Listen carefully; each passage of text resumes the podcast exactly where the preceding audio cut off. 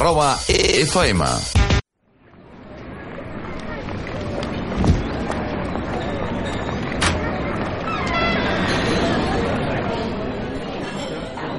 Bon dia.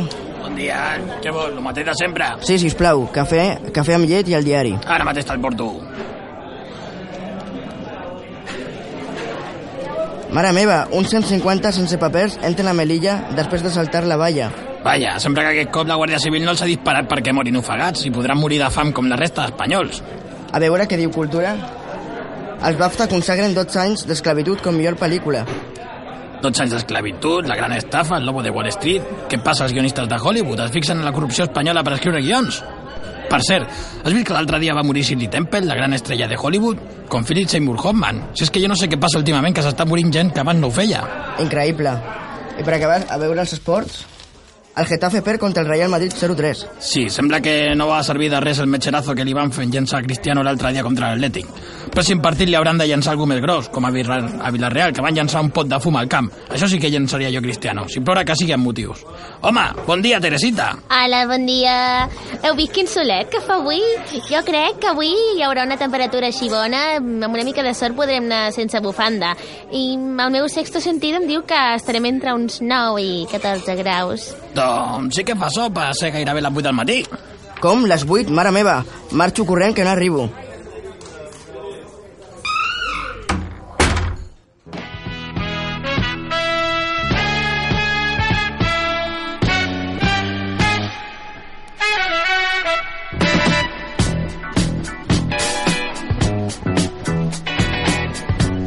Molt bon dia a tots. Benvinguts al Pòsit, el magatzim més energètic per començar les dijous de 8 a 9, arroba FM. Ana Mar, Coralí, Laia, Javi, Eric, Ignasi, com esteu? Hola, Ei, bon espero que tot bé. Febrer és un mes molt complet i per això, a Mita Lògic, l'Anna Mar López Hola, bon ens dia. farà un concurs sobre alguns dels grans mites de Hollywood. Bon dia, Anna Mar. Bon dia. A Racons del Món, la Coralí Boigas ens parlarà d'alguns dels diferents tipus de carnavals que existeixen. Bon, dia. Coralí. Bon dia, Al. A Dona amb Treva, la Laia Mónico seguirà tractant qüestions de parella, però en aquest cas relacionat amb Sant Valentí. Bon, dia, Al. Laia. Bon dia. I per acabar, en Xavi Baro ens ha portat una sorpresa molt entretinguda. Bon dia, Xavi. Bon dia, Al, bon dia. Comencem.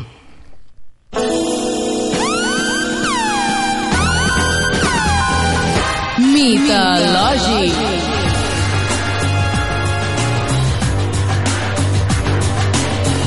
Bon dia, Ana Mar. La teva secció, la primera, indispensable per despertar-nos. Què ens portes aquesta setmana? Bon dia, Alessandro. Doncs com ja sabeu, aquest proper cap de setmana són els Oscars i, òbviament, avui a Metològic no podia fer altra cosa que parlar de grans llegendes urbanes de, del, del cinema. Eh, llavors, doncs és això, us porto mites relacionats amb el cine. Ostres, que interessant. Jo me'n conec alguns, eh? Aviam si és veritat. Eh, Al, Javi, Laia i Coralí us repto com cada setmana a que intenteu esbrinar si aquests mites són verdaders o falsos. Esteu preparats? I tant, i comença, tant. Vinga, anem-hi.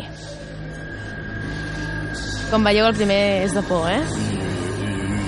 Pesadilla en Elm Street està basada en fets reals. Cert o fals?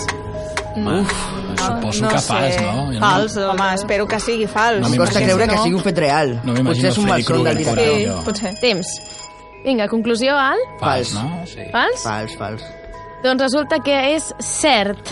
Impossible. Sí, de fet, el, bé, el personatge de Freddy Krueger òbviament no és real, això ho inventa el, el director, Wes Craven, però és cert que es va inspirar en una notícia d'un noi asiàtic que no volia dormir perquè deia que tenia uns malsons horribles. De fet, una nova notícia revelant la seva mort deia que va morir rodejat de moltes tasses de cafè, cafeïna, i, far, i fàrmacs per no dormir. Així que realment esfereïdor.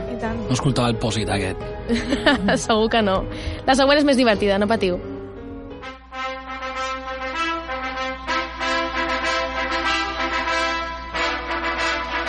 Aquesta la coneixeu, eh?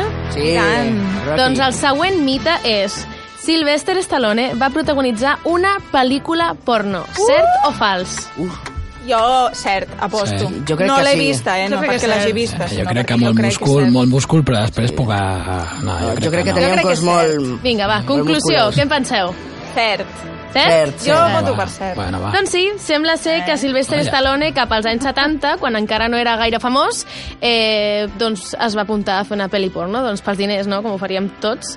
Eh, I va fer una cinta X, o Xeix, com en diuen en català, i la pel·lícula es diu The Party at Kitty and Stats. I si algú està interessat en veure-la, mm, mero interès cinèfilo, està clar, Claro, claro. Eh, la podeu trobar a Google. De fet, si poseu el nom, surt a primera posició, així que no... Tu ja l'has buscat, inter- no? Ho estic sí, veient.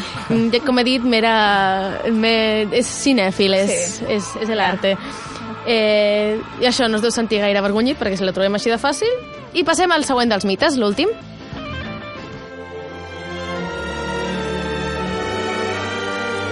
I l'últim dels mites, ja per acabar avui, és... Walt Disney està congelat a l'espera de ser reviscut. Verdader o fals? Verdader, Home, verdader. jo crec que és fals. Jo espero que sigui cert. Sincerament, Sí, aquesta llegenda que ha estat cert, tan però jo crec que mitificada és fals. que no sé què respondre. O què? No sé què dir. Ai, no sé. Vinga, va, una conclusió. Cert o fals? Val. Fals. Fals? Doncs és fals. Sento decepcionar-vos. Eh, doncs, sabia. segons he trobat a les meves fonts, que no vol dir que sigui la veritat absoluta, eh, es veu que la família de Walt Disney estava molt interessada en negocis de criogenització biològica i això, sumat al fet de que van fer un funeral molt íntim, al que només va anar la família, no van voler que portessin flors, doncs van ajudar a que es creés aquest mite de, de Walt Disney congelat. Però fins on jo sé, està enterrat en un cementiri de Califòrnia, a Los Angeles, així que sento, nois, per trencar el mite, Oh. però aquesta secció, doncs, ja sabeu que tracta d'això. Moltes gràcies, Anna Mar, per una setmana més lluitant pel poder de la veritat a Mitològic. Moltes gràcies. Espero venir la setmana que ve i descobrir-vos més I ara, continuïm, I ara continuem amb el pòsit. De nou, gràcies, Anna Mar. Gràcies, Alessandro. Eh, estàs escoltant el Pòsit amb Alessandro Carrasco.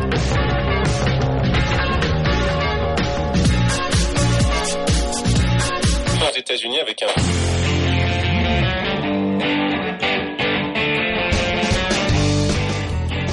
Doncs bé, ara passem a Racons del Món, presentat per Coralí Boigas. Amb quin tema internacional ens sorprendràs avui, Coralí? Bon dia, Al. Avui parlarem sobre la tradició de Carnaval, una festa que celebra arreu del món, però que hi ha moltes maneres diferents de celebrar-la. Molt interessant. Totes, totes les celebracions del Carnaval tenen activitats comunes, com poden ser les disfresses i les desfilades. Però, en canvi, a, a molts països i fins i tot a ciutats que poden ser veïnes, hi ha tradicions diferents per celebrar-les. Aquest és el cas d'Itàlia, que cada regió o ciutat té la seva pròpia tradició. Per exemple, hi ha ciutats que celebren el Carnaval al gener, al març o l'abril, i el febrer pot tenir, no pot tenir res a veure amb el Carnaval. I hi ha ciutats que porten per disfresses màscares de vaques i toros. Que raro, això dels toros. Sí? Ara, i una altra que fan com una espècie de tomatina d'allà a València, però amb taronges. Oh, quin desperdici! Mm. Sí? O cremen màscares per celebrar una revolució. Però el carnaval més famós d'allà a Itàlia és el de Venècia. Però el que passa és que últimament, més que una tradició, és una atracció turística. Clar. Allà la gent es disfressa per fer-se fotos amb els turistes i ser famosos durant aquesta, durant aquesta temporada. I deu ser ben car, no? És un dels carnavals més cars del món. Si vols anar allà, més et val tenir pasta. Vaja. I un altre dels grans eh, carnavals famosos, però aquest cop és, és el de Brasil, el de Rio de Janeiro i de Sao Paulo. Però Un company ens ha parlat sobre aquest carnaval. Les atraccions més importants són les escoles de samba que desfilen a les ciutats més importants, que són São Paulo i Rio de Janeiro. Tota la gent de la ciutat s'apunta a la seva pròpia escola i fan competicions. A aquestes ciutats hi ha les competicions i tot això està, es passa per la tele per totes les, totes les ciutats del món. A Brasil el carnaval és molt important en aquest sentit que mou amb tanta gent. Així doncs, el carnaval és una de les festes més mítiques d'allà a Brasil. Però, curiosament, també és un dels carnavals més curts del món. Sí, Sí, sí, curts, sí. però si és el més famós, Sí. no? sí però només dura 4 dies. Quatre dies? més. Ostres, jo pensava que era més llarg. Bueno, però són intensos, no? Sí, són, són 4 dies molt intensos. Ah. Però segueix sent un dels més curts. Hi ha, hi ha països on el carnaval dura un mes. Un O encara mes? més. Sí, a Uruguai, per exemple, dura un mes. Uah, Pues haurem d'anar a Uruguai, llavors. vaja, està que... Ara, el carnaval més llarg del món és a la ciutat de Colònia, allà a Alemanya. Allà el carnaval comença l'11 de novembre, Ja, és que ja fa molt de fred, has de tenir Sí, sí. sí, sí. Que no Fins quan, I fins però- quan dura? fins al dimecres de cendre, que va ser la setmana passada. Tant. tants Sí. mesos. Sí, el que passa és que es queda, deixa com una mica apartat i la setmana intensa és, la, és aquesta. Final. Sí, és al final. Molt bé. Però, però tot i així, déu nhi el que dura. déu nhi Ara, també s'ha de dir que hi ha molts països que no tenen la tradició de carnaval, Pobres. però en canvi tenen moltes festes semblants. Per exemple, a Xile tenen una que és màscares i disfresses al mes de juliol. Una altra és a Bulgària, que celebren dos desfilades amb gent disfressada. I una altra també és a Xina, on tenen, on la tradició del carnaval no tenen un carnaval en si, però en, canvi, però en canvi sí que tenen una festa semblant que coincideix amb l'any nou. Uh -huh. Una companya ens ha explicat sobre, sobre aquesta festa. En China los carnavales se encuentran en los primeros días del año nuevo chino. La gente se visten con traje de la ópera Pekín o de gigantes. Normalmente son socios de clubs de ópera Pekín o de algún baile tradicional. Pasan por las calles principales con música y saludan al público. Així que, malgrat que no es va durant les mateixes dates, la majoria de països del món tenen tradicions molt semblants al Carnaval. Però l'important d'aquestes festes és passar-s'ho bé amb les desfilades, les disfresses i tot. I esperem poder-lo seguir celebrant durant molt de temps. I tant. És interessant descobrir la gran diversitat de festejar el carnaval segons les diverses cultures que existeixen avui dia. Moltes gràcies, Coralí. A tu, Al. Bueno, ara que ja estem a meitat de programa i teniu totes les orelles matinals posades al programa, posarem una petita pausa, però en seguida tornem. No us oblideu que encara manca la Laia Mònico, que ens parlarà d'una entreva de com sobreviure amb la parella Sant Valentí, i en Xavi. Avui a la xerradeta ens ha portat una entrevista molt interessant feta als especialistes secundaris. De seguida tornem.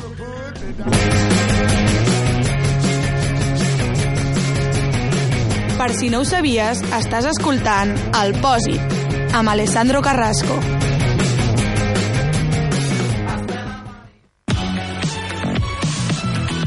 Què tenen en comú un evident, un explorador i una universitat? No és un acudit, és un programa de ràdio. Interferències. A les 11 de la nit a arroba FM amb Mireia Francesc.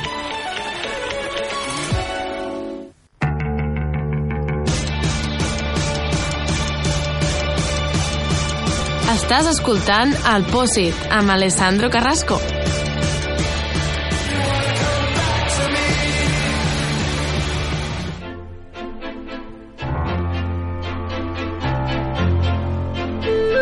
Bon dia, Laia. Estic impacient per saber què ens portes avui. Bon dia, Alessandro. Tal com sabeu, cada setmana a Dona'm Treva us porto consells per tal de superar aquelles situacions complicades en parella que més d'un cop ens han portat més d'un mal de cap i que poden arribar a causar baralles o separacions, depèn de com. Uf, això no volem que passi. No, exacte, no ens interessa. Si la, passada, la setmana passada us vaig explicar com sobreviure en parella un dia a l'IKEA, que ja sabem tots que és molt Complicat, crispant. és complicat. Sí, exacte. Doncs aquesta setmana, amb el Sant Valentí, us porto com intentar sobreviure a aquest dia. Tot i que no tothom el celebra perquè hi ha gent que per ell el dia clau és Sant Jordi, jo crec que, o almenys espero que estiguem d'acord en que un, algun detallet hem de tenir amb la nostra parella, si no Sí, sembla sí. que, Clar. que no ens estimem, Jo, no? jo, jo no en celebro cap. Us he portat tres coses que crec que són vàlides per poder fer aquest dia sense caure en els tòpics, diguem-ne, i sense ser cursis. I tres que durant aquest dia tan especial no s'hauria de fer mai. Comencem pel matí.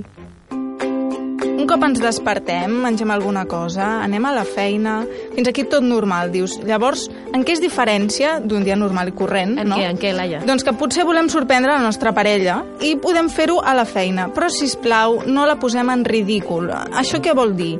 Vull dir, no li hem d'enviar un ram de roses gegant o un os de peluix més gran que ella, o que ell, depèn, no sé, o un coro cantant. Exacte, això que estem escoltant és una mica, diguem-ne, poc original i cursi, exacte, com dius tu. Jo optaria més per sorprendre-la, o sorprendre'l, a la feina, però vosaltres mateixos. No hauríem de substituir la nostra presència per regals, sinó que hauríem d'anar, per exemple, nosaltres mateixos i esmorzar amb, amb la nostra parella en cas de no fer-ho, normalment. Seria una manera de dir, mira, estic pensant en tu i avui prefereixo dedicar el dia amb tu, Ay, no? qué bonito. Qué bonito. de verdad. I tant. I després, diguem-ne que a l'hora de dinar jo ho passaria sol, no cal atossigar. Sant Valentí no vol dir estar-nos tot el dia dient lo molt que ens estimem, fa falta deixar respirar una mica. Acaba el dia laboral, arriba la mitja tarda, un cop sortim de la feina, i ens hem tret les responsabilitats de sobre, tenim la resta del dia lliure per nosaltres o per la nostra parella, que és el que jo faria. Jo estaria més per la nostra parella. Què no hem de fer mai al sortir de la feina? Anar a comprar un regal a correcuita, sigui el primer que ens passi pel cap, pel simple fet de que sigui Sant Valentí. Dius, malament, jo això no ho faria. I a més, si voleu fer un regal, si us plau, vigileu que regaleu o penseu que no siguin els típics regals prohibits que dic jo, que és regalar jo què sé, la colònia de la teva mare o, Horrible. o un electrodomèstic que dius, mare de Déu, exacte aquest cop de puny ha anat molt bé perquè és que, vull dir, us podeu quedar solters molt ràpid. Espero que mai hagueu regalat alguna cosa així, si plau. Jo una vegada. I ara està solter, oi? Sí, sí, em sento culpable. Veus? Ja ho sabem. Jo proposo que podeu fer aquella activitat que sempre volíeu fer i mai teníeu temps a fer, o anar a veure un espectacle, o, jo què sé, anar a menjar un postre on més us agradi, però passar el temps junts, no? En lloc de substituir un regal, doncs, no sé, anar a estar una estoneta juntets. Exacte. Total, va passar l'estona, eh, arriba l'hora de sopar, sopem en parella, aquí cadascú que sopi com vulgui, si plau. Vull dir, no, no entraré en el tema de sopar, si voleu sopar al McDonald's bé, si voleu sopar un sopar romàntic també, i arriba la nit. I bé, una cosa porta l'altra. 18. Exacte, això ja anem, anem pensant, no? En què vindrà, una cosa porta l'altra, ens anem animant, animant, i sempre hi ha el típic de la parella que proposa veure una pel·lícula romanticona. Dius, no, talla el rotllo, què vols que et digui? Talla el rotllo perquè un dels dos quedarà dormit, molt probablement. A qui no li agradi, potser us encanta, els dos, llavors jo i aquí ja no m'hi poso. A mi no m'agrada, eh? No veus? A mi tampoc. No. Clar, què passa? Jo la millor opció que he trobat és acabar el dia al llit amb la teva parella per La millor opció, la millor opció. Oi que sí? Estaríem Sí, tots sí. d'acord aquí. Veus? La música més sexy. Exacte, sí, sí, aquí a l'estudi ja estan tots bojos, tu. I tant. Doncs res, espero que us hagin servit aquests pocs consells, però que sobretot no caiguem en el consumisme que sembla que ens obliguin. No, no faria falta, tampoc, no? No fa falta caure en el ridícul. All you need is love. Exacte. Doncs moltes gràcies pels teus grans consells, Laia. De res. Ara ja sé què és el que tinc que fer per ser un gran gentleman. Home, i tant. Fins a la estic propera segura. vegada. Adéu.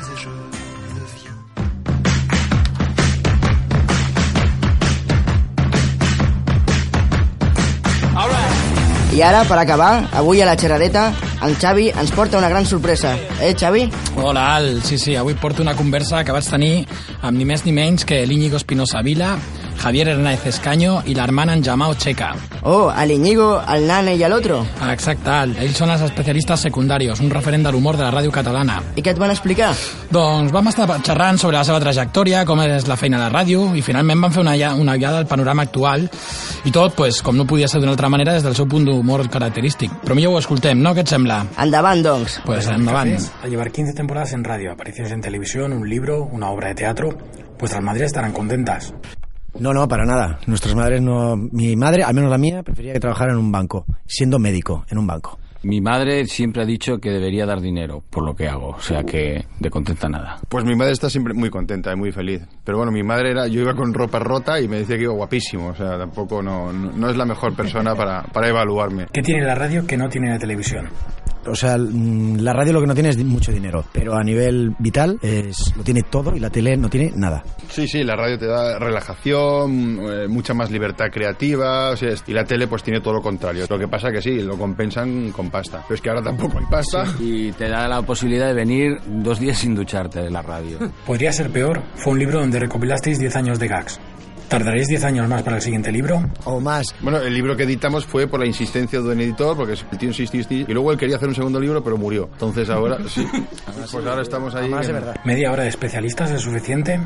Cuando solo haces humor, no haces ni entrevistas, ni promociones, ni viene un tío a enseñar su vaina. Media hora de vocecitas es, lo creo, lo ideal. ¿De dónde sale la idea para vuestro formato? Uh, pues muy, eh, a ver, a nivel radio, pues eh, goma espuma, como no. Sí, es un programa de radio que hace que ver que es un programa de radio, en serio. Es un presentador con unos invitados, con colaboradores habituales, tradicional de la radio, con llamadas, con concursos, y tal. Secciones varias. Sí, es un- una parodia de programa de radio. Y habrá quien piense que trabajáis poco, ¿no? Que venís aquí a la radio, soltáis vuestras vainas y os vais. ¿Qué cantidad de trabajo hay detrás del show de los especialistas secundarios? Es decir, ¿cómo es el día? Bueno, para empezar, quien piense eso, que venga aquí y nos lo diga a la cara. Eh, y segundo, no venga a decirnoslo a la cara, le diremos que sí que tiene razón. Pero también es cierto que mucha gente viene, se piensa esto que dices, pero luego, claro, ve que llevamos unos guiones en las manos y dice, ah, pero lleváis guiones. Pues sí, claro. aquí. Bajados de internet, ¿eh? ¿Seguís el guion de forma religiosa o os dejáis llevar por la improvisación? Hombre, el guion, eh, a ver, eh, sabemos cómo tenemos que empezar, cómo tenemos que continuar y cómo acabar. Luego a partir de ahí nos salimos, pero siempre volvemos al guion. ¿Quién es Juan Carlos Ortega para especialistas secundarios? Un hijo de perra.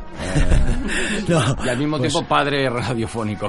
No, es un crack. cuarto- un- cuarto especialista. Sí, ah, y un genio eh, del humor. Entonces, lo vuestro es currar muchas horas al día para hacer feliz eh, un ratito a la gente. En las antípodas, ¿no? Lo- Quedaría gente que trabaja poco y consigue hacer infeliz a, a la gente durante, durante mucho tiempo. Son los políticos. Exacto, ¿no? ¿Qué, qué, qué opinión os merecen los políticos? ¿Tú qué crees? Pero del, del político que hace mala, mala política, claro que sí, porque, porque políticos pueden haber buenos. Hay políticos buenos. Debe- debería haberlos. Debería haberlos. No, ¿eh? no, seguro que los hay, pero, Seguro que los hay. pero no llegan arriba, ¿eh? En unos cuantos años que tengo no he conocido aún a un. Claro. Bueno, una pregunta para don defensor. Si leyera en los periódicos la cantidad de casos de corrupción que hay en este país, ¿qué haría? Pues apuntarme a ello. Claro, ahí hay invocado bueno para darle, se asusta claro. Pues pillarías tú por tener hacerme esta pregunta, porque claro, no puedo dejar testigo, y luego pues por orden alfabético. Alicia, Sánchez Camacho y acabaría con Zapatero. Y para Juan Impresionante. ¿Qué, qué dice Juan Impresionante de la consulta? La consulta es la cosa más maravillosa que se haya hecho jamás en la historia de la vida política de no de Cataluña ni de España, sino de todo el Reino Unido. Vosotros dices una con un montón de preguntas. era- Nosotros hicimos una consulta que había, no, no. había 117 preguntas. Y en caso de decir afirmativo a las 117, Sí, no. había 115 más. Y en caso de decir negativo, eso se iba desdoblando y había al final millones de preguntas. Pues muy bien, muchas gracias, especialista secundario. ¡Bravo! Bueno, i fins aquí la xerradeta d'avui, Al. Tornarem amb més personatges la setmana que ve. Com sempre, molt entretinguda la teva secció. Moltes gràcies, Javi. Fins la pròxima setmana. I per avui acabem aquí. Moltes gràcies a tots. Anna, Coralí. Laia, Javi, Eric, Ignasi. Gràcies. Gràcies. Fins al proper dijous, com sempre, de 8 a 9, teniu un bon esmorzar amb el Pòsit, arroba FM. Fins aviat. Adéu.